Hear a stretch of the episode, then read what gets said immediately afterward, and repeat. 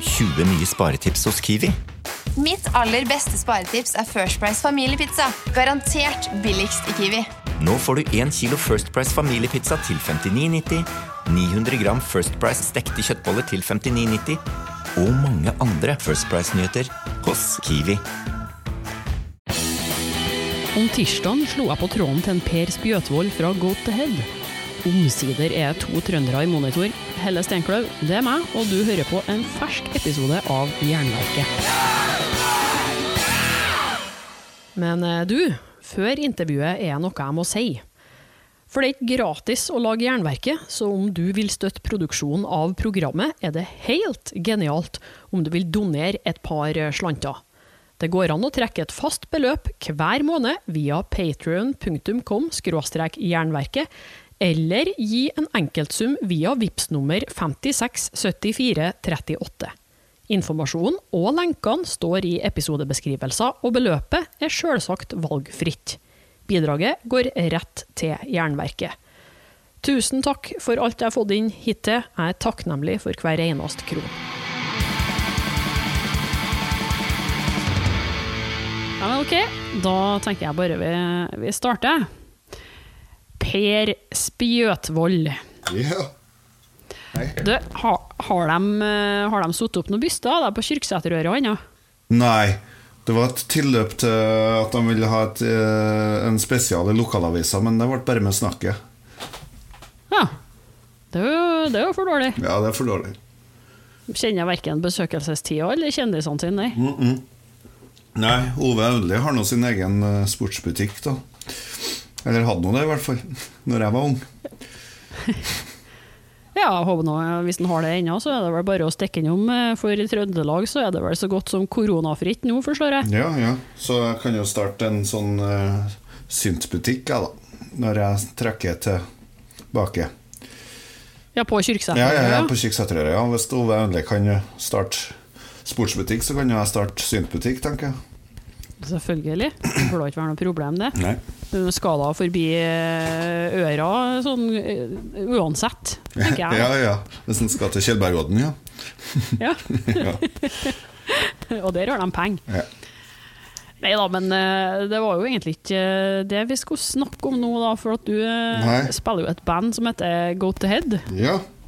blant annet. Ja, men det er vel mest det jeg holder på med nå, ja. Eller bandmessig. Mm.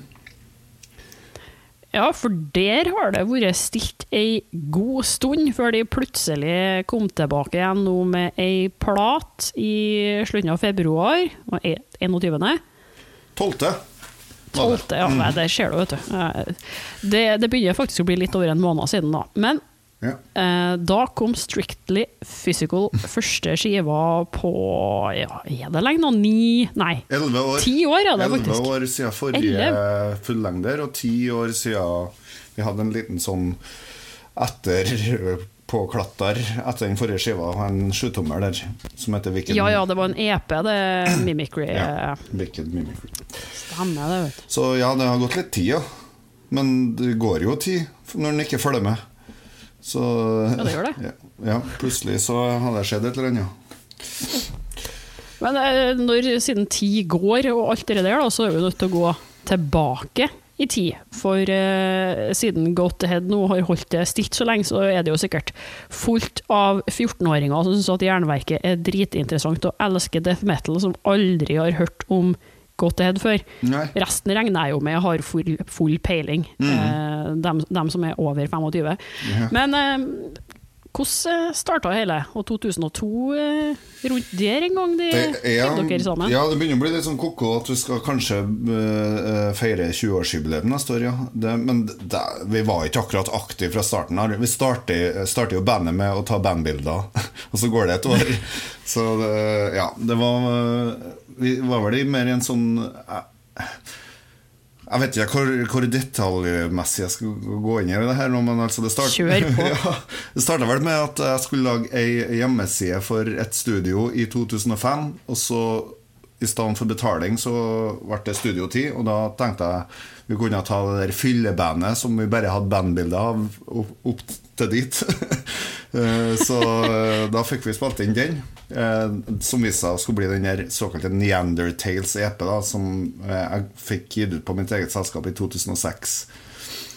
Og så var det i den tida der så skulle Bloodthorn, som òg er et sånn band som 13-årige death metal-band ikke har kjenner til, men som dere over 30 kanskje vet om, da. Skulle ha en releasekonsert i Trondheim der vi ble bedt om å spille support. Eh, Og der var det eh, ei dame som heter Patricia Mazzuccolo, som senere skulle ta over som en labelsjef i Tabu Records. Og hun eh, la sin elsk på fanteriet vårt, da. Så når hun tok over sjefsstolen der, så tok hun en telefon og ringte oss i forkant av 2007. Så da ga vi ut en, en vår første fullengder, da. Og Simeon Supremacy. Simeon Supremacy, ja. Eh, og ja Deretter så var vi litt on our own etter det igjen, eh, egentlig. Eh, når vi skulle gi ut vår andre fullengder, som heter Doppelgangers. Og da Ja, da fikk vi hjelp av Håvard på Aftermath til å gi ut den, da. Mm. Så det er bytta selskap hver gang, det, ja, ja, ja. Det har vi. Og ja. Så det er nå liksom rent den diskografimessige historikken, da. Uh, den ellers så eh, Jeg vet ikke, personellhistorikken Det har jo alltid vært meg og Ketil Sæter, gitarist. Uh, og så fikk vi egentlig etablert liksom det som er bandet i dag, med den andre skiva, Doppelgangers, da, med å uh, engasjere trommeslager Kenneth Kapstad.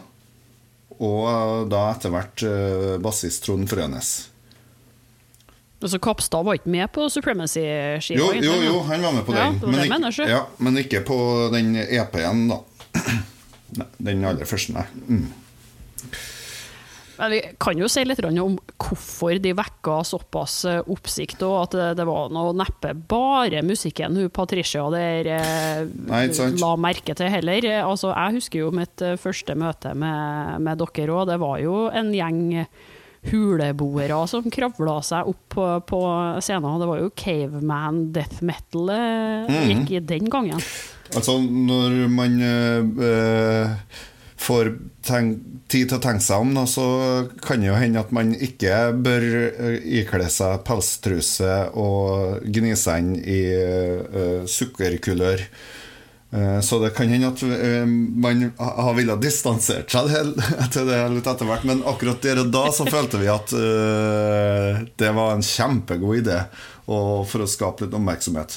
Men det blir jo på en måte en slags sånn humorkrykke da, som man må støtte seg på eh, for evig og alltid. Eh, Så vi prøver jo å sparke unna den krykka litt grann, da, etter hvert, i hvert fall på doppelgangers, og så kanskje enda mer i dag, da. Men eh, det, det er vanskelig, vet du. Det kan ikke ta oss sjøl seriøst. Det Ja. Nei, jeg merker dere der, for eh, om de nå enn har gått bort fra huleboerstilen, så, så har det jo vært astronauter, og nå er det liksom ei, ei antikken du sprenger tilbake til når vi ser på plateomslagene, da. for de sier jo veldig mye om hva dette her faktisk er, eller, og hva det ikke er, skal jeg si. Så det, jeg, jeg vet ikke om det er noe sånn spesielt for Trondheim og mange av de bandene med folk som er eh, født på slutten av 70-tallet og tidlig 80-tall. Det er generelt veldig mye humor i, i Trondheim, syns jeg, blant uh, metal-musikerne. Og da er det vel vanskelig å la være, tenker jeg. Ja, men det går an å holde det litt mer nøkternt, da, tenker jeg, enn det vi gjorde i hvert fall på den eh, til å begynne med, da, når eh, vi skulle bare stå og være ja, fullstendig idioter. Eh, Det som er litt artig med hele det der, da, det er jo at det er jo spesielt når du sier det med Trondheim, og at man har litt glimt i øyet og sånn, det var jo litt sånn kostelig å komme til Oslo og eh, stå og eh, se hvordan det blir mottatt, og se hva det grines på nesen at det er her i alle dager.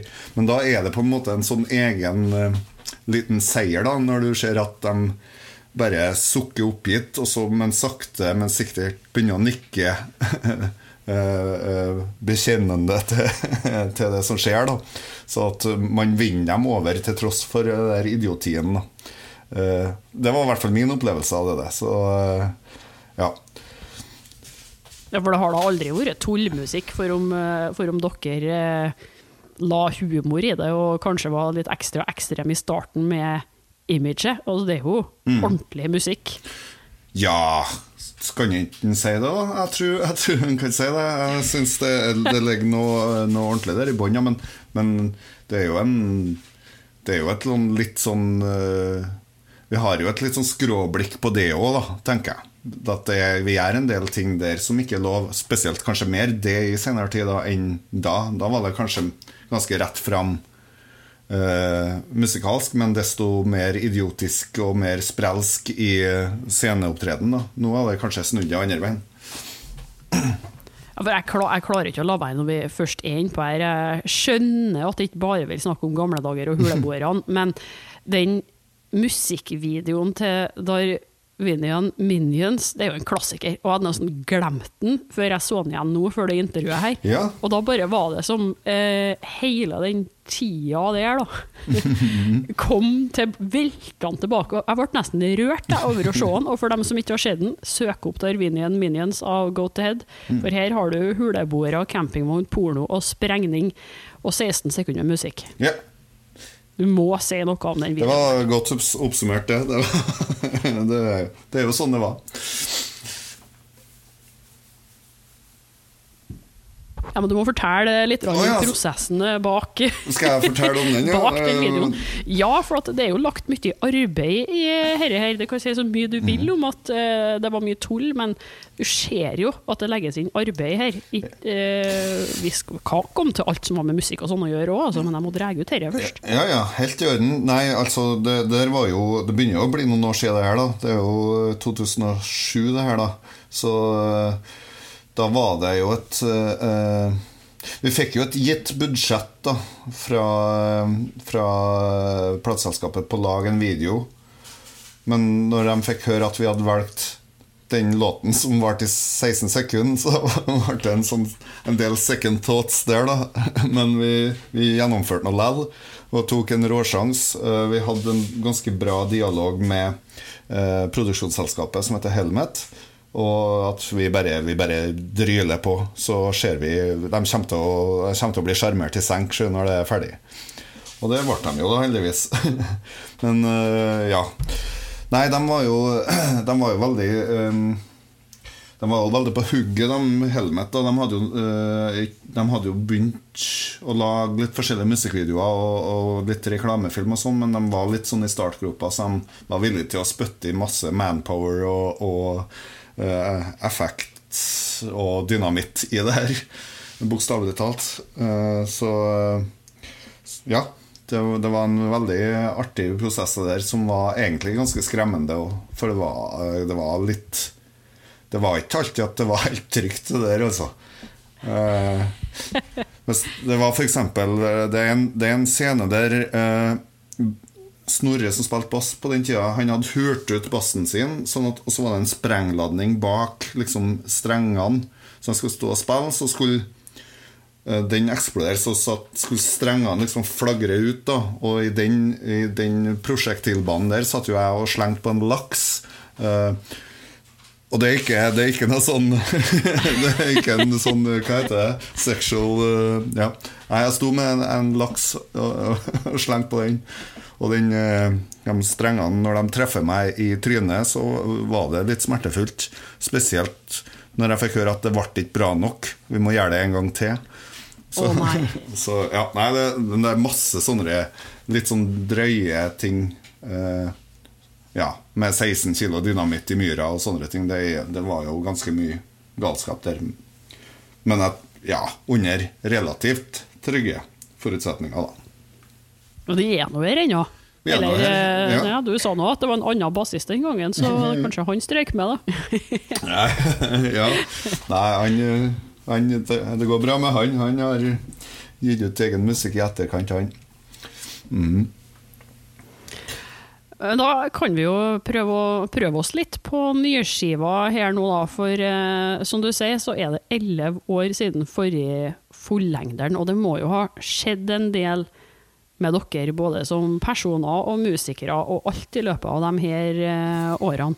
Kan du fortelle litt om utviklinga og egentlig prosessen òg bak det som gjorde at det ble ei ny plat ut av det? Mm. det var, eh, vi kan begynne med liksom slutten, ja.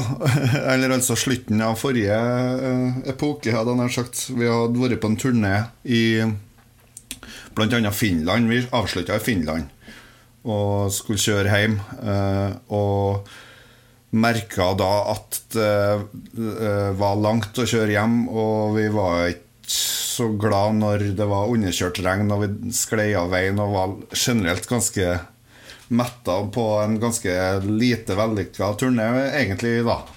Så det var ikke noe sånn stort driv der, spesielt Kanskje det var ja, jeg, jeg legger mest skyld på vår gitarist Ketil, for han var ikke så gira på holde på å spille eh, ekstremmetall så veldig mye lenger.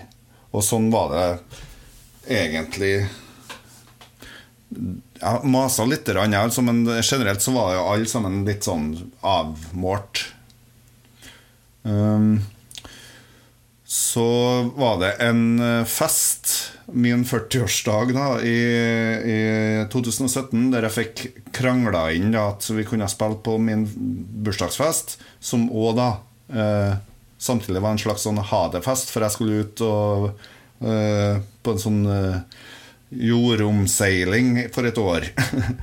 Det skal vi snakke om etterpå.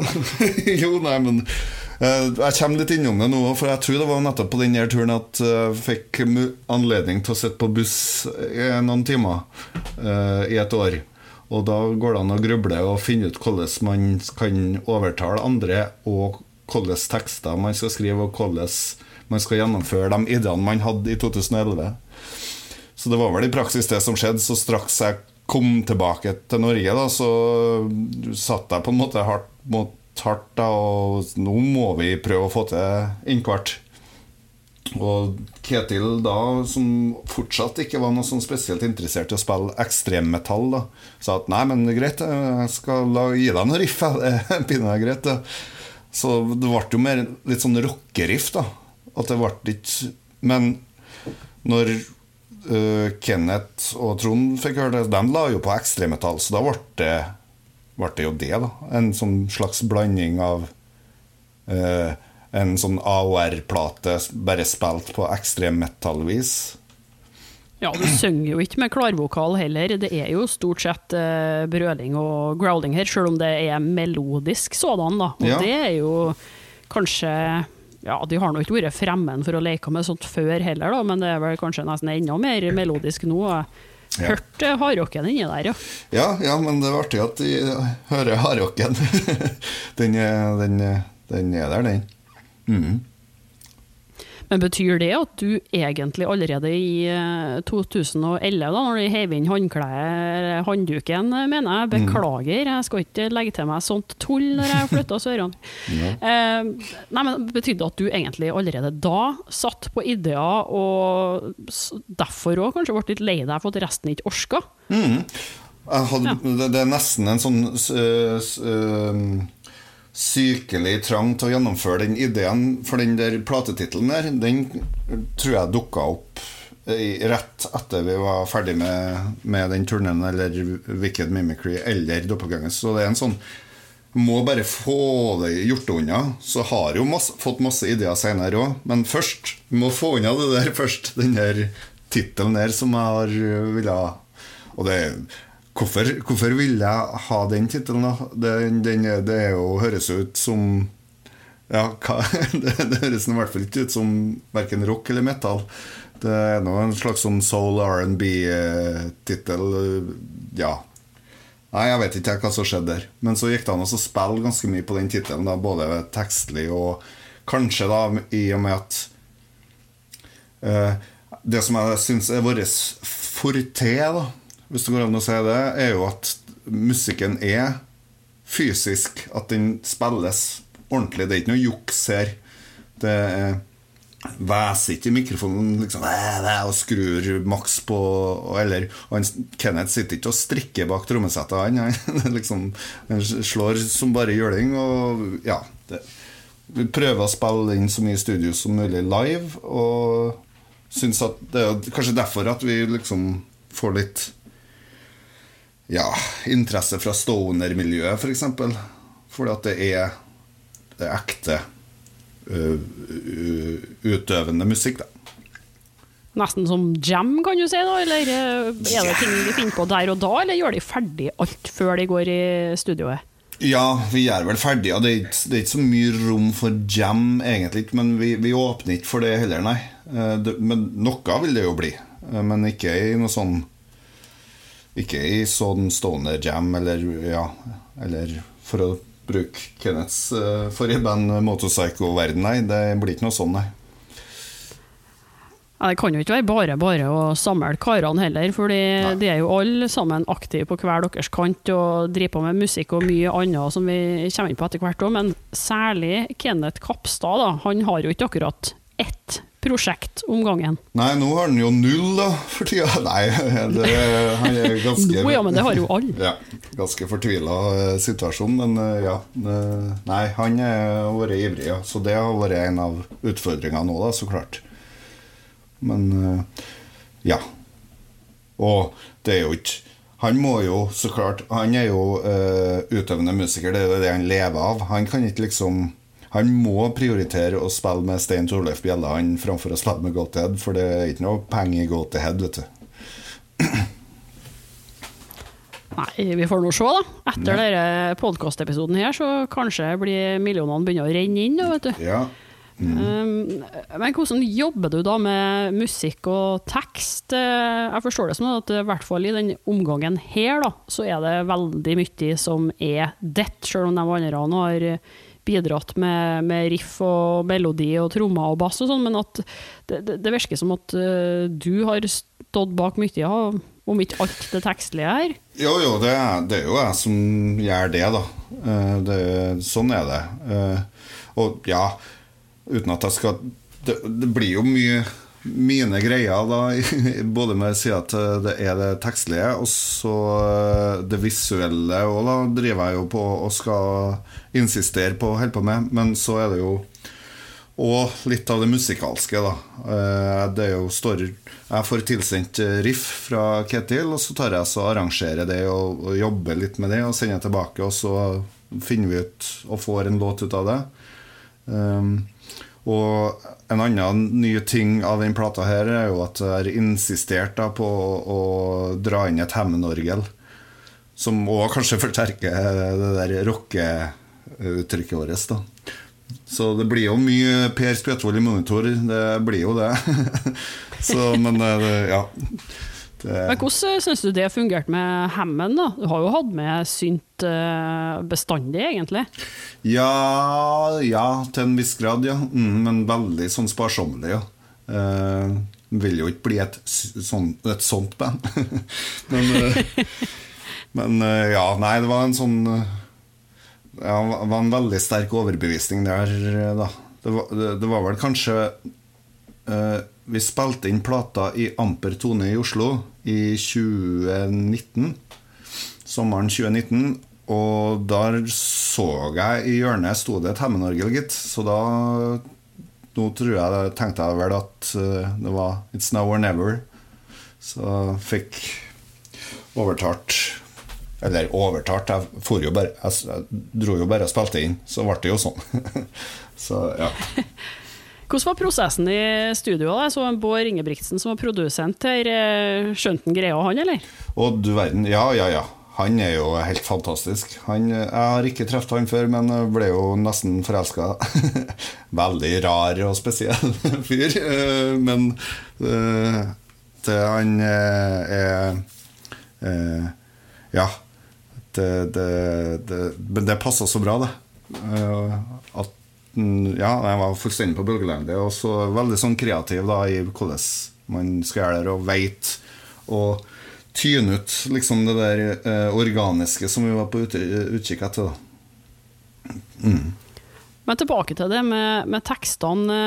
eh, Jeg fikk egentlig ikke helt greie på hva det er som kommer først, eller om det er litt tilfeldig om tekst eller musikk eh, kommer først. Og hva er det det dreier seg om, alt det du kroter ned? Ja, nei, det, eh, In the beginning there was, it was the riff. Uh, altså Det alltid Det begynner vel med riffet, da.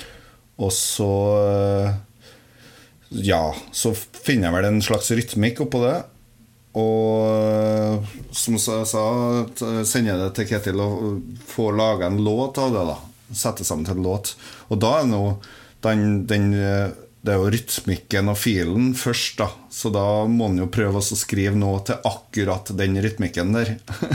og da, det, da blir det ganske nerdete, altså, når en skal holde på med det. Da er det mye sånn eh, unødvendige rimregler som jeg må følge, så jeg blir helt sånn besatt av det. da og da er ikke alltid ting gir mening, nei, for da er det viktigste at det blir artige og snedige rim og uh, rytmikk. Og Det krever jo litt òg, når du skriver på eh, engelsk, altså ikke på morsmålet bestandig.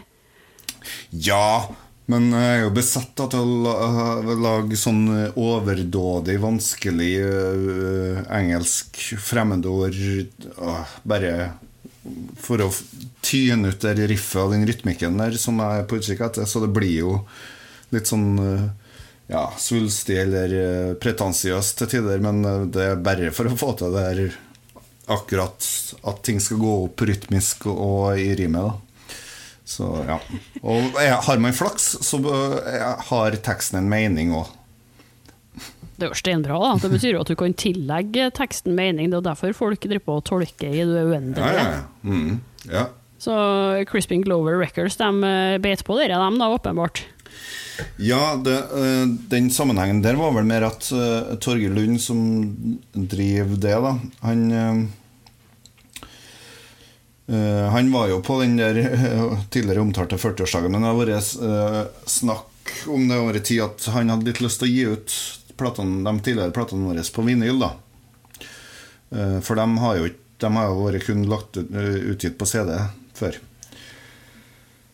Og så eh, Ja, det var noe jeg i hvert fall veldig gira på, men så var det jo sånn Nja, skal ikke Enn hvis de spiller inn noe nytt? Da vil ikke gi ut det på vinyl, da. Så jo da, jo da, kunne jeg gjøre det. Så da ble det jo sånn, da.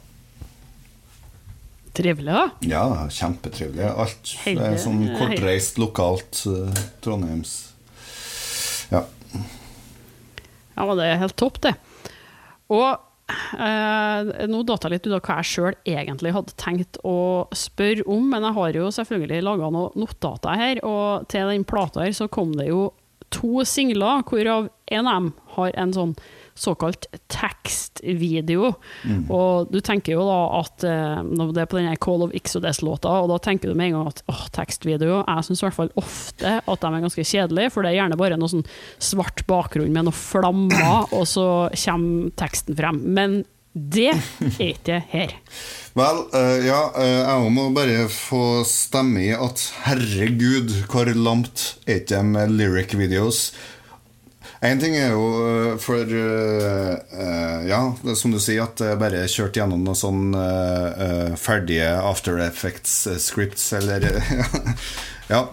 Men det andre er jo at det virkelig uh, um, får eksponert da hvor ræva teksten på den metallåta der var. For det at Spread my wings and fly, og jeg vet da faen.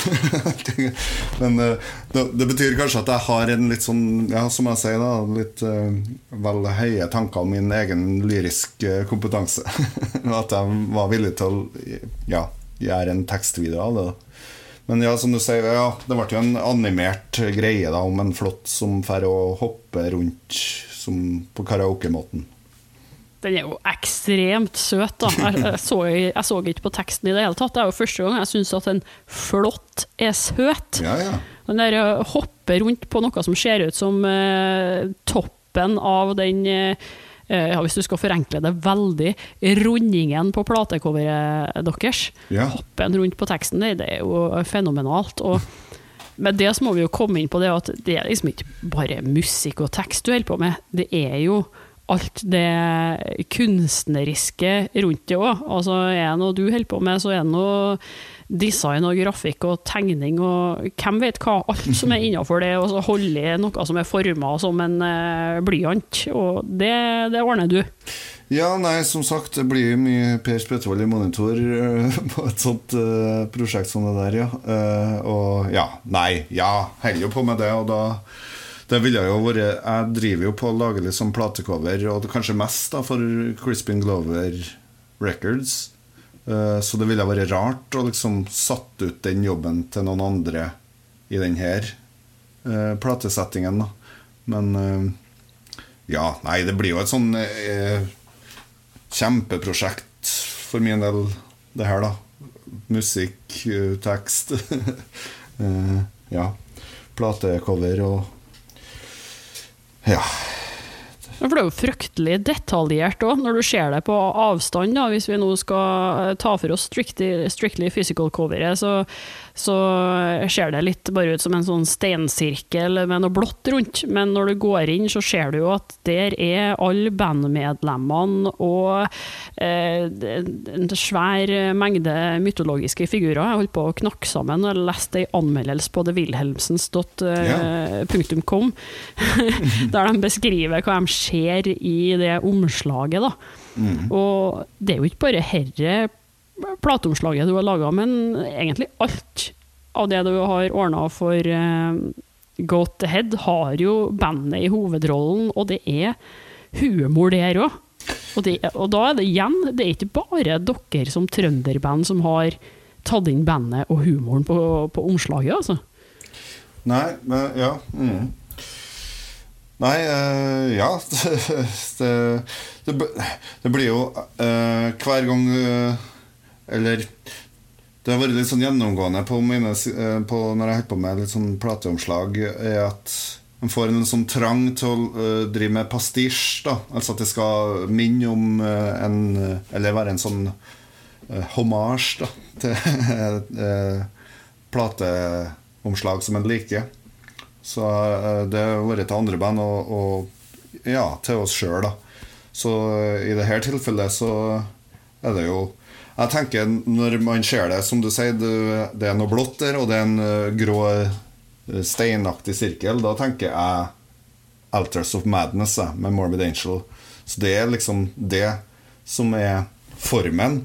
Mens den blåfargen som vi bruker, er, den er henta rett ut fra Deep Purple in Rock. Jeg skulle til å spørre om det var det. ja. ja. Nei, for, og det er det som er litt artig. Ja. Hvis du spør hadde tenkt den tanken, så ja, da det, går det an å holde på sånn og tulle med det der. Det gjør det, og det, det, er veldig fint. Og det er òg noe som gjør at det faktisk er, er verdt og grunn til å kjøpe LP-er, for du hadde ikke klart å se alle de detaljene der på en CD, og du ser ikke på Spotify heller.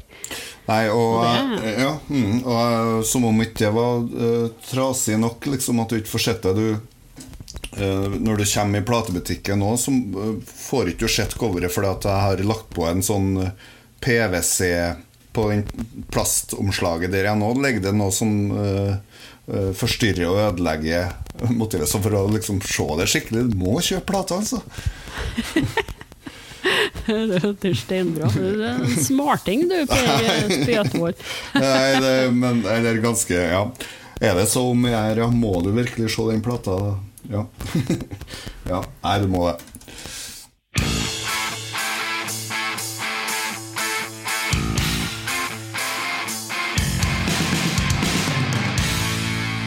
Men altså, En annen ting som er artig, er jo at uh, det er ikke akkurat noen nyhet nå lenger, etter ett år med stengt eh, land og stengt verden, at en ikke kan fære ut og spille konsert. Ikke engang når en skal slippe plat. Og dette løste jo dere på en finurlig måte.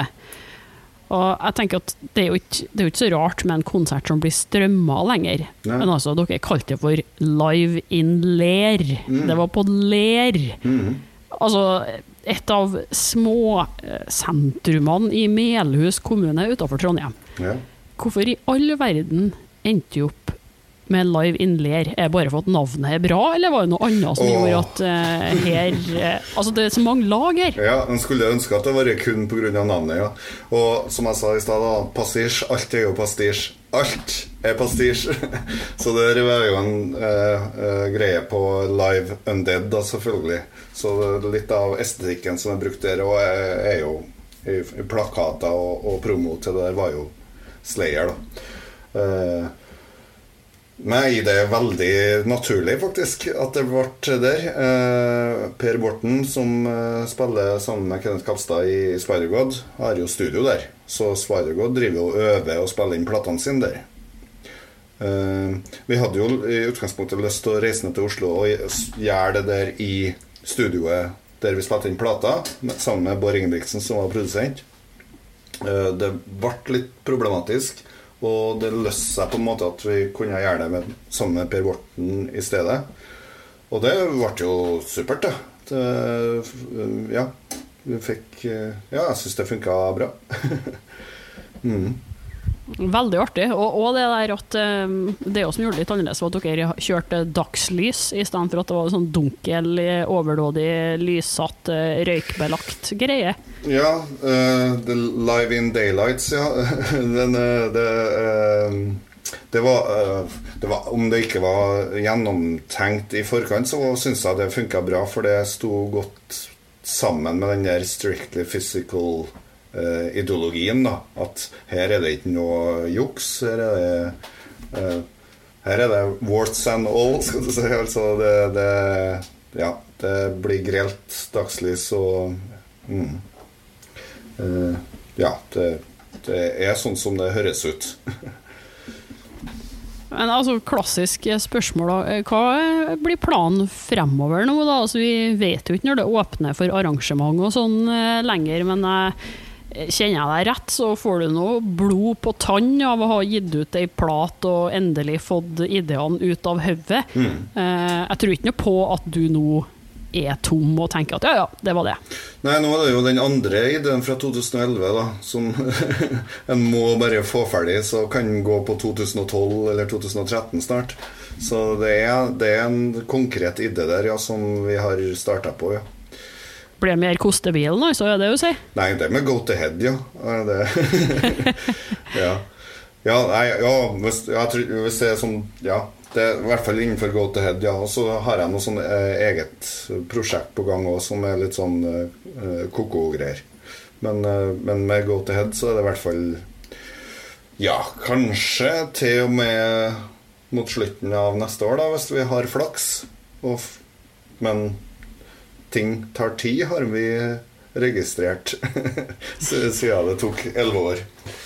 Men det betyr jo at eh, guttene lukta frøkjelleren til geita dem òg, etter den utgivelsen her, og fikk litt lyst igjen. Ja. Og så er det sånn at man trenger ikke Man gjør bare det man har lyst til, alle sammen, tenker jeg. Altså, eh, det var vel litt sånn Ja, Ketil hadde ikke noe lyst til å spille ekstremetall, men ikke spille ekstremetall og spille rockeriff, da, så gjør vi alle andre enn det vi har lyst til. så det er jo mer Det er jo det som eh, skjer nå, da, på en måte. Vi bare har en veldig sånn konkret idé, men uh, gjør alle sammen får gjøre hva de vil, så blir det noe schizofrent og rart av det. Det kan jo ikke komme sånn overraskelse på en gjeng som har laga gospel crossover-duett med Kirsti Huke heller, da. Nei, jeg skulle tro det. At det må være lov til å uh, finne på egne sprell, ja. Mm, og at det blir verdsatt. Nei da, men eh, det, det er det. Mm. Skal vi la den ligge sånn at folk får finne ut av det sjøl, eller har du lyst til å si to ord om akkurat det? Jeg har liksom bare venta på å stikke det inn. Ja. Ja. Eh, ja, hva skal jeg si? Det der òg er jo fra Doppelgangers, da, så det er jo ganske gammelt, det der òg. nei, det òg var jo mer en sånn Jeg veit ikke. jeg. Der, der tror jeg kanskje teksten kom såpass tidlig at vi endra i, i uh, eh, låtuttrykket, da. At vi fant ut at det hadde vært artig å dratt inn litt sånn gospel-element, for det, låta handla litt om det, da. At media og en sånn Media og, og Ja. Nå er det så lenge siden at jeg klarer ikke å forklare det på en god måte. Skal vi se Ja, det, det, ja. media! Media! ja. Det er straffen det er når du venter så lenge mellom å gi ut eh, plater, og man skal da snakke om det som skjedde før, så er det lenge siden. Mm. Ja. Nei, men vi fikk nå i hvert fall uh, tematikken uh, Ja. Det var nå sånn at det var Nei, da hadde du satt meg fast. Jeg tror, jeg tror ikke jeg kan, kan gjøre så Nei, men det, det, er helt greit, det. Da får vi heller bare oppfordre folk til å høre på det gamle da, vet du, og lete opp musikkvideoene som ligger ute der. Mm. For det gjør de. Ja, gjør det. Men eh, altså, nå, nå, har vi nå, føler jeg, jeg vet ikke om du er enig sjøl, men vi har jo fått uh, skumma gjennom mye av både historien og ikke minst uh, hvordan nye plater ble det, og uh, men, eh, men, det har liksom ikke skjedd. Det, det, blir jo så dødt rundt omkring òg nå når man ikke kan gå ut og spille og få ikke snakka med folk og sånn, men eh, hvilke reaksjoner har de fått på hittet? Det har nå skjedd en del positive anmeldelser ut der, i hvert fall. Ja, det er nå kanskje det som er greit. Når det er få anmeldelser, så blir de Da er, de, da er de noe positive, da. Men ja.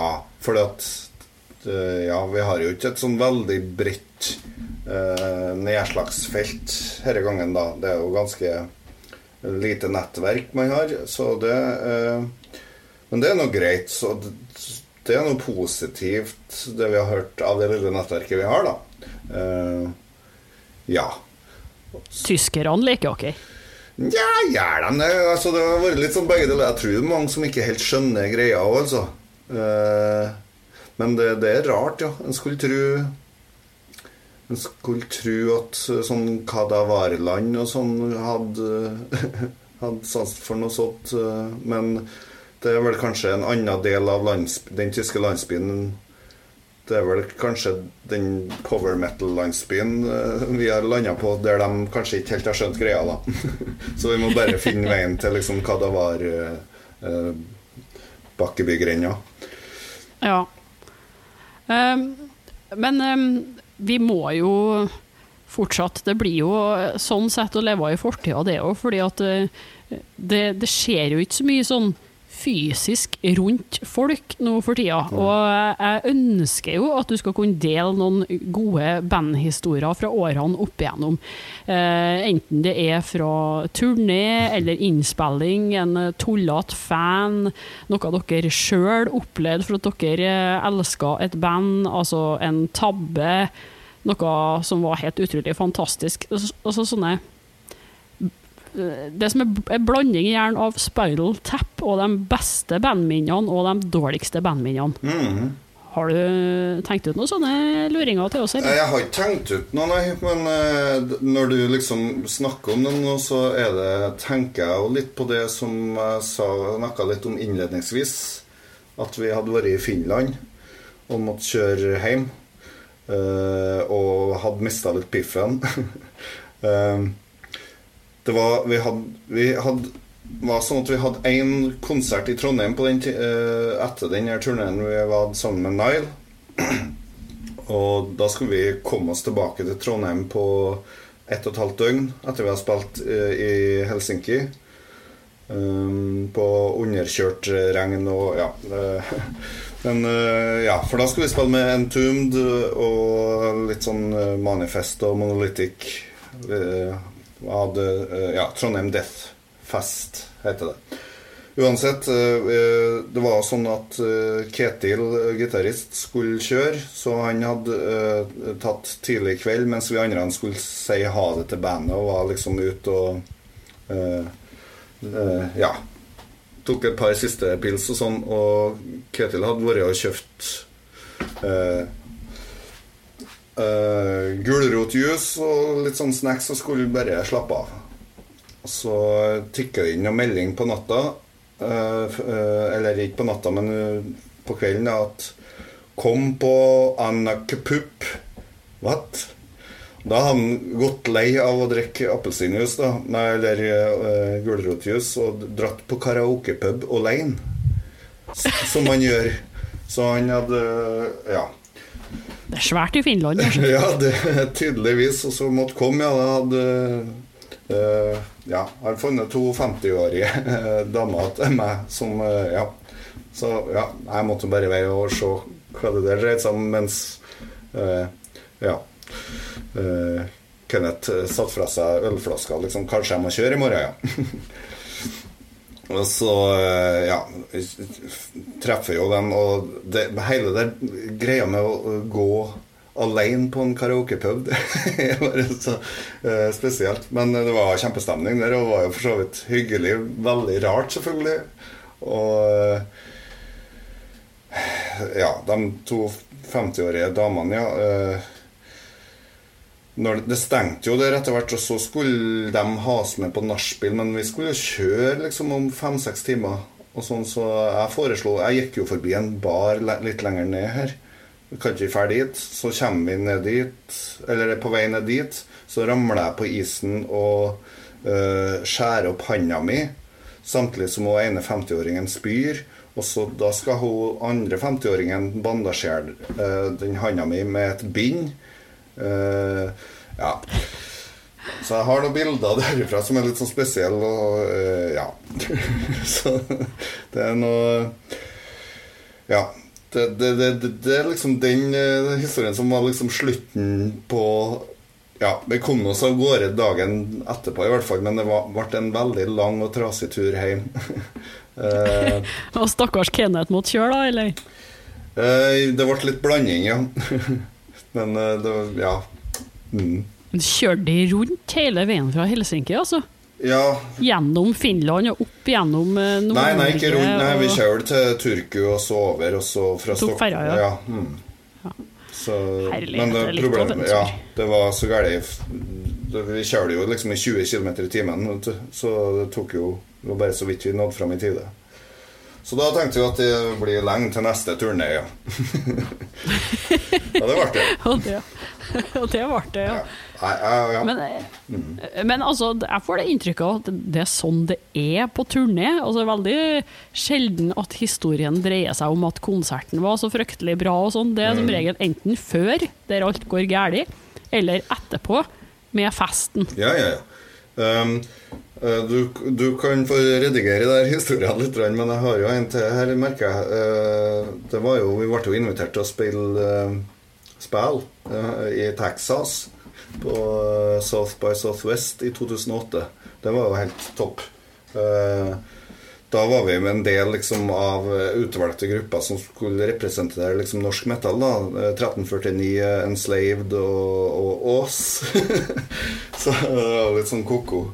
Eh, så da spilte vi i 20 minutter og var der på fylla da, i tre dager. Eh, og den eh, På den fest... På den konserten da eh, der vi spilte, så var det en sånn seanse Uh, han, no, Nok en gang Ketil, da, som var litt sånn ivrig. jeg vet ikke om jeg har lov til å snakke om det. Kanskje han ikke blir så glad for det, men uh, ja.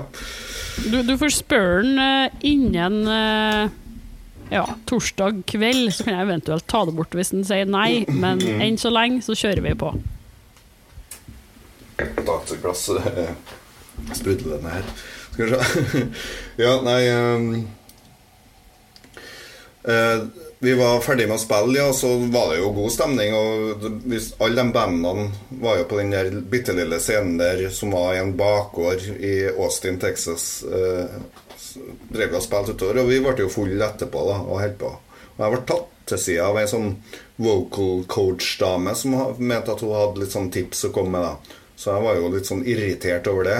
Ikke for det var hyggelig, altså, men jeg blir jo sånn irritert når hun mener at teknikk Jeg kan liksom bruke teknikken med å ha handa rundt mikrofon. I all verden, hva er det? Det er en sånn eh, det, Ja, det er sånn som lydmenn hater. Cupping the mic. Ja, nei, jeg ble bare sint. Så når jeg går derifra, da, så registrerer jeg at Ketil, eh, gitarist, står og gjemmer seg bak et sånn tau. uh, og ser litt sånn oppriktig redd ut. Jeg tenker ikke noe mer over det. Men eh, så kommer Even Hermansen, som spilte i Shining på det tids... Altså norske Shining der på den tida, og sier at nå har det vært litt styr her fordi at eh, gitaristen deres har drevet og klippet en meksikaner i ræva og sagt 'Mind if I spill your drink'? Og han uh, sto egentlig bare og venta på soning, han uh, meksikaneren der. Han var en sånn gang, uh, så han tenkte at det var ikke noe problem å drepe han der. Det utgjorde ingenting. så, så da gikk Ketil og gjemte seg bak et tau. og det var visst veldig mye sånn diplomati som foregikk da, for at den eh, ikke skulle bli noe sånn eh, gangsterdrap i backstagen i Austin der. Så ja, nei, det var fint når vi kom på flyplassen eh, etter den runden der. Da var det sånn You guys look like you've had a lot of fun, fikk vi høre av de innsjekkerne. Både òg, si. ja, ja. Mm. Det er jo stenbra, da. Han kan jo ikke nekte at den historien her skal bli fortalt, tenker jeg. Nei, hver gang jeg møter Even, eh, som ja, spiller noe litt forskjellig nå, Bushman's Revenge og Draken og litt sånn forskjellig, så er han veldig ivrig til å snakke om akkurat denne historien som jeg trodde var bare et oppspinn, liksom. Nei, det var en meks meksikaner som skulle drepe meg. Men ja, nei, nei, nei. Det var masse styr med det der. Nå ser jeg nå at vi bedre begynner å nærme oss eh, timen her òg. Det er jo helt uh, strålende. Ja. Og jeg sa jo i stad at selv om det ikke har noe med musikken å gjøre, så er det jo mye Per Spjøtvold i monitor. Og du nevnte innledningsvis en, eh, en tur, eller rettere sagt en jordomseiling, som du skulle gjøre i forbindelse med 40-årsdagen din, da. Den eh, 40-årskrise... Nei, hva heter det? Jo, jo. Kalte du det krisereisen? Ja, ja, det ble jo det, da. Mm. Ja, du, du er nødt til å fortelle litt om uh, dette her. Jeg førte jo med hele turen på Instagram, og her snakker vi jordomseiling i et år. Ja, men ikke Og- seiling, da. For det var ikke Nei, noe men det var, men det var ikke noe, det var ikke noe fly heller. Nei. Nei, Nesten ikke. Nei, det Bortsett fra kanskje helt på slutten. ja. Nei, det, skulle, det var det liksom Det var en sånn dogmatisk tilnærming til ja, at en skulle prøve å komme seg over så mye rare distanser som mulig på et år, ja. Uh, og ikke bruke fly. Uh, så det var på litt sånn obskure togreiser gjennom Kongo at man tenkte at nei, bedre skal lage ny Go to Head-plate, ja. så eh, Og ja. Det, Hvor mange land var du innom eh, på turen der, da? hva var det? 66, tror jeg. Ja. Mm. Og hvor mange, altså hvilke verdensdeler vant du innom? Nei, jeg starta jo fra uh, Norge, Trondheim, på bursdagen min når jeg var 40, og hadde en intensjon om å komme tilbake på min 41-årsdag. da. Så da bare føk jeg ut og for østover momentant og gjennom Russland og eh, sør ned til eh, Sentral-Asia og Pakistan og India og eh, ut til Kina. Og containerbåt fra over til USA, ned gjennom hele eh, eh, Nord-Amerika, Mellom-Amerika, Sør-Amerika til Rio. Og bå- containerbåt der til eh, Senegal i Afrika, og ned gjennom hele Afrika og rundt nesten ned til Sør-Afrika og opp på andre sida og gjennom Midtøsten og tilbake, da. I all verden. Men altså, kan du trekke ut uh, Hvilket land eller plass var det som gjorde mest inntrykk, eh, og hvorfor det? Nei, men da syns jeg det er perfekt at eh, det er her, da, på eh, litt sånn metallverden. Metallpodkasten. Så Bot Ja, gjerne.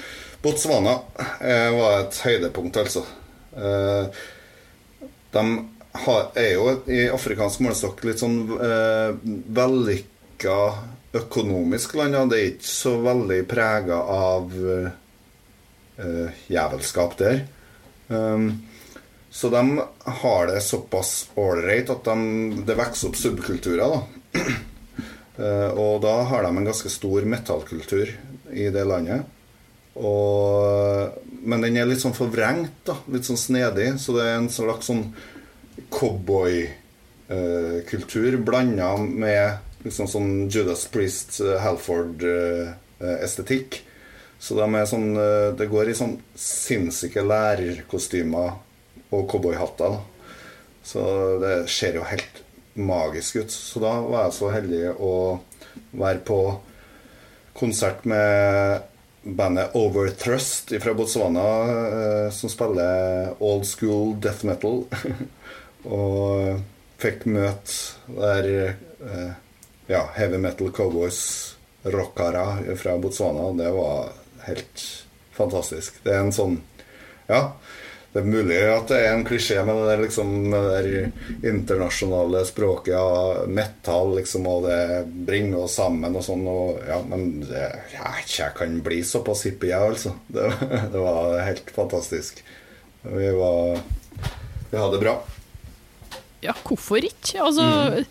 Nå ser man jo ikke på Eller Afrika er jo ikke et kontinent som har veldig svær metallscene heller. Det er jo kanskje Botswana og Sør-Afrika eventuelt da, som mm. stikker seg ut. Men eh, hvordan, hvordan var stemninga og sånn der? Kan du beskrive litt hvordan det var å være på en konsert i Botswana med et lokalt og borti der egentlig svært death metal-band? da?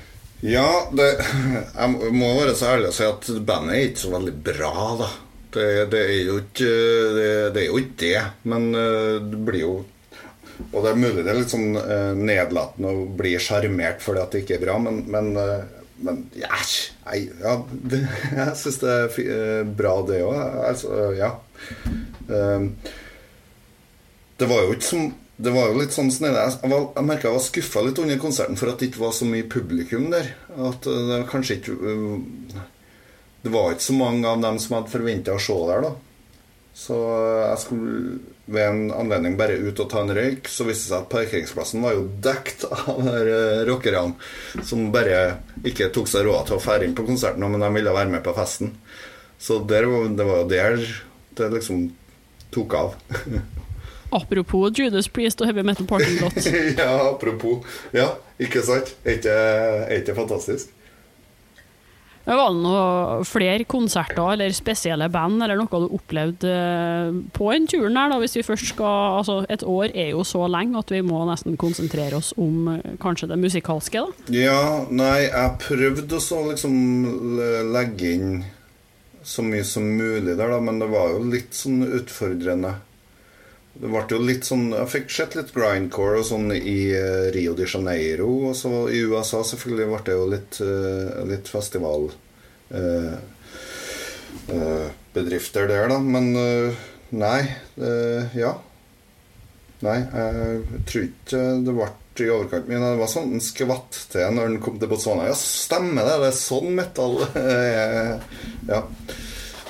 Mm. Ja, det er vel ikke akkurat konserter med heavyband hver dag i Usbekistan heller, så det Nei, nei, men det, det er snedig. Så jeg, har, jeg, må, jeg, har jo en sånn liten sånn forkjærlighet for hele det der der smale greia der da med, med, med rocke- og metallband der, det, der man ikke skulle, skulle tro at noen kunne drive heavy metal. så jeg blir litt sånn sjarmert av det, da. Eh, og syns at det er fint. Mm. Og Rakk du å komme deg hjem før 41-årsdagen? Ja, jeg var hjemme på klokka kvart over åtte ja, på 41-årsdagen. Ja. Mm, og da hadde nå de der forbanna luringene hadde sånn overraskelsesfest til meg, da. så det ble jo konsert der, da. Så da ble det i hvert fall litt metall. Og da kom Go to Head sammen igjen? Ja, nei, ikke der, da. Det var bare på Ja. Mm. Men det ble Snipp, snapp, snute, skal ja, skulle, I wish. Men det måtte vente et par måneder, og så var vi i gang med Strictly Physical, da. Uh, ja. Så det, det, det var nå topp. Herlig. Da vet ikke jeg om det er noe, noe, jeg burde ha spurt deg om, eller noe du gjerne skulle ha tatt med sjøl. Altså, dette er jo et kjedelig spørsmål, men eh, det kan jo være at jeg ikke har gjort eh, grunnarbeidet godt nok, siden jeg hadde en hardtime mellom legging av unge og snakking med en Per. Ja, ja, ja, men det er helt greit. Ja, det er derfor jeg er her, at jeg må svare på spørsmål. ja. Nei, om det er noe vi har glemt av, som vi burde ha hatt med nå. når vi ja, sånn, ja. Mm -hmm. Ja. ja. Øh, Nei, hva skal det være? Nei, jeg veit ikke, altså. Nei. Nei, jeg syns det var bra. Jeg syns det gikk greit, det her. Ja, men Det er jo bra, for det, det som jeg må ha jeg til å gjøre da, det trenger jeg ikke å gjøre på direkten, da. men du er nødt til å lage ei spilleliste til programmet, oh, ja. som seg hør og bør. Ja. Eh, og der skal det være i hvert fall ei go to head-låt, og resten kan være andre typer band, eh, så lenge det er favoritter, og inspirasjonskilder og ting du liker. Mm. Før så brukte jeg å si at det måtte være metal, hardrock og prog og punk og sånn, men det trenger ikke å være lenger nå, syns ikke jeg. Nei, men det blir Det- sikkert noe sånt, da. Uansett. Ja, ja. Det- Men om du har lyst til å legge inn et eh, botswansk jazzband fordi at du så det på turen, så er det helt greit. Ja. Nei, jeg får legge inn litt overtrust, da. Må gjøre det, men det er ikke, det er ikke bra, altså. Nei da. Uh, så, det, så det kan du gjøre, og sende, meg- send til meg før fredagen, for denne episoden legger jeg ut på fredag. Mm. Håper jeg. Eh, ja, det må jeg faktisk. Um, men helt til slutt, da, så er jo Eller du er jo ikke fra Trondheim, men du bor i Trondheim. Og jeg er fra Trondheim, og har flytta fra Trondheim. Ja, er du fra Trondheim? Ja, jeg bare snakker bredt. Ja. Ja Ja. Stemmer. Hva trodde du jeg var fra? Fosen. Ja, jeg alltid, jeg syns det bestandig er så artig å høre hvor folk tror jeg er fra. Mm. Jeg har liksom vært fra alt fra Meldalen til Verdalen til Fosen og Mm. ja. Av en eller annen grunn så sier folk bestandig Nord-Trøndelag, men eh, de glemmer nå at Sør-Trøndelag består av mer enn én kommune. da. Ja, ja. Du er ikke nordtrønder du heller, bare for at du snakker bredt. Nei. Snakker jeg bredt? Hallo? Nei, ja, du snakker nå, du snakker nå bredere enn ja. det de gjør i Trondheim eh, nå for tiden. Mm. Jeg var nesten på vei tilbake til eh, Singsaker eh, der nå, yeah. syns jeg. Yeah. Men det var ikke poenget. Poenget var det at band fra Trondheim Klarer du å komme med noen eh, sånn anbefalinger på rappen der med hva folk bør eh, få med seg? Nytt, gammelt? Det kan liksom Så- være alt fra eh, TNT til Hellstorm eh, og, Mm. eller noe annet. Nei, jeg syns det er verdt å nevne Bloodthorn da, i forbindelse med det, for det er på en måte ringen slutta. For uh, det var der vi på en måte ble uh, eksponert for live-publikum første gang, var i forbindelse med dem. Og uh, siste låta til på Strictly Physical, det er egentlig Ketil sin eh, hommage da, til 'Natteskyggen', som er den første demoen som Bloodthorn gjorde, eh, som han har alltid vært veldig glad i. Da. Så han har på en måte den sin, hans sin variant av 'Natteskyggen', det der, da. Så det må masse bli eh, å spa opp eh, sikkert et YouTube-klipp eh, av 'Natteskyggen'. Jeg tror det er bare der jeg har funnet den gamle demoinnspillinga av den. Ja. Trenger ikke noe annet enn det. Nei, er ikke det. Du har hørt et intervju med Goat Ahead innspilt i mars 2021. Likte du det, kan du f.eks. høre episodene med Entombed AD og Obliteration på TNT. Neste uke trekker jeg en årgangsprat med Spectral Haze fra hatten. Det var faktisk pga. at vi alle er levende interessert i ansiktshår at vi møttes. Vi er faktisk eh, ansiktshåreksperter eh, på fritida. Ikke jeg, jeg er marinbiolog. Bortsett fra han der. Om ikke du gjør det ennå, så er det på tide å abonnere på Jernverket podkast via podkastapp, eller gå inn på jernverket.kom. Fortell alle du kjenner om podden, og legg gjerne igjen ei god anmeldelse der du hører. Og om du vil eh, gi noen kroner for at jeg skal kunne fortsette med podkast, kan du gi støtte via Patrion eller Vips. Se info i episodebeskrivelser. Husk på å følge Jernverket på Instagram og Facebook. Der er det konkurranser, diskusjoner og musikktips. Akkurat nå kan du vinne jakkemerker fra Katakomben og den siste skiva til Avertia. Jeg heter Helle Steinkløv og kjører på med nytt eller gammelt hardrockintervju hver fredag. Høres!